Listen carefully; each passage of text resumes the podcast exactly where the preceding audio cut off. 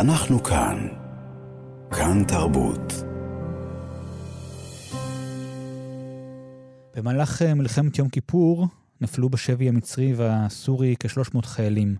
חילופי השבויים המצרים התקיימו זמן קצר לאחר סיום המלחמה, ועם סוריה כחצי שנה לאחר מכן. את אה, דוקטור דוד סנש, פסיכולוג קליני בכיר, תפסה תחילת המלחמה לפני 50 שנים בעמדת שמירה על גדות תעלת סואץ. שלום דוד. שלום אייל, שלום למאזינים. לפני שנדבר על ההווה, על מה שקורה כעת, המערכה הנוכחית נפתחה יום אחרי שציינו 50 שנה אה, למלחמת יום כיפור. מה אתה זוכר אה, מההפתעה שחוויתם אז? תראה, יש, יש קווי דמיון. אה, אני גם תמיד מציין את, אה, את אוקטובר כ, כמועד של, אה, שאני נזכר במלחמת יום כיפור ולא ביום כיפור. Mm-hmm.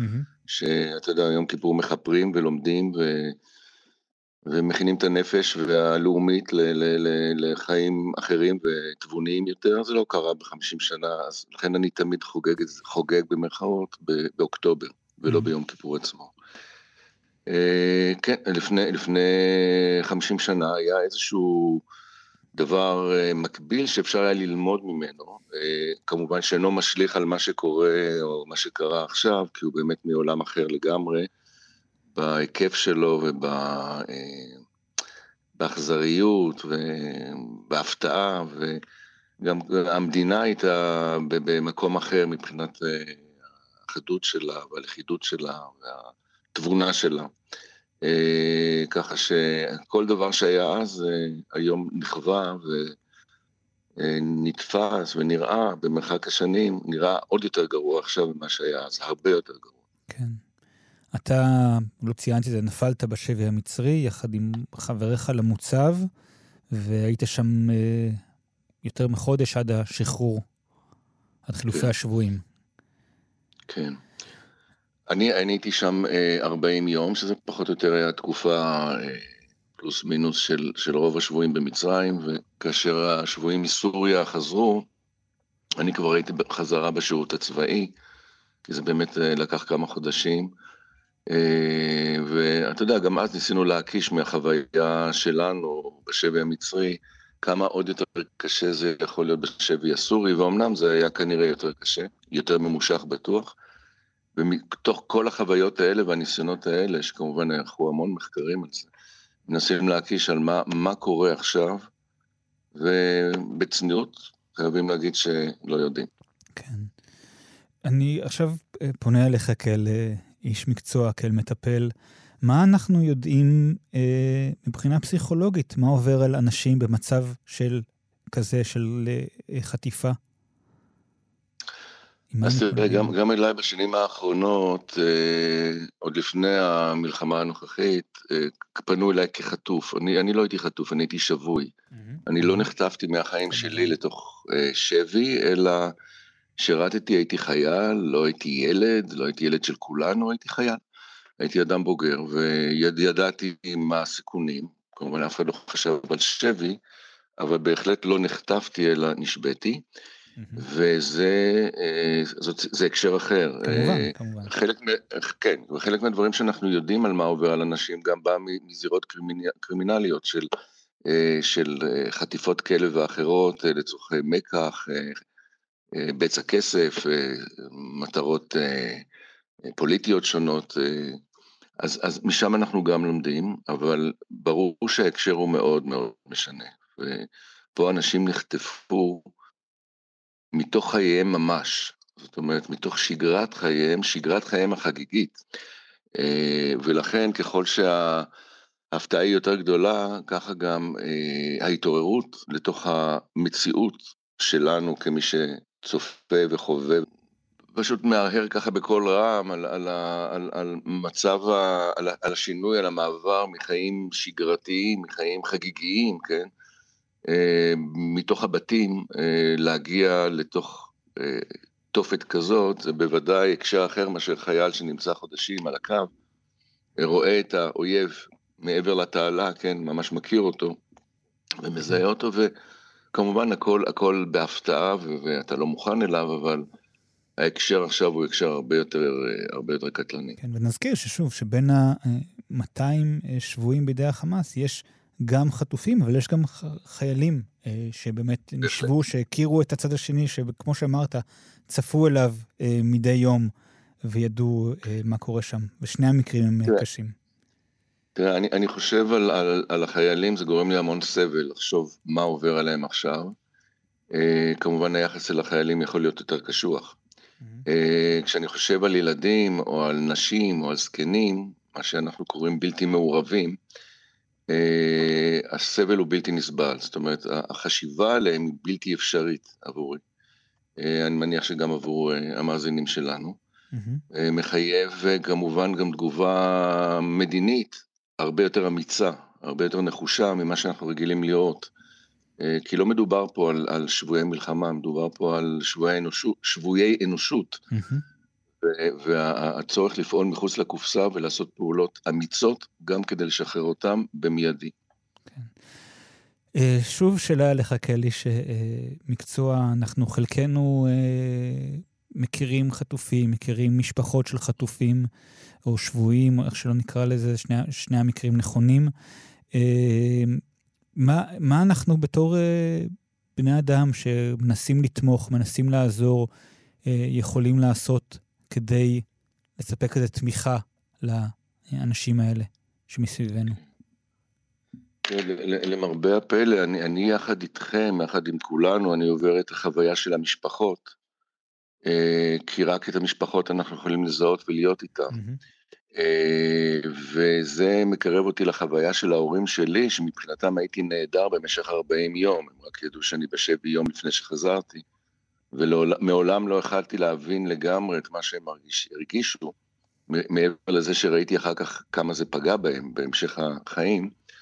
המצב הזה המיוחד של משפחות, אה, הוא מוכר בספרות המקצועית כאובדן עמום.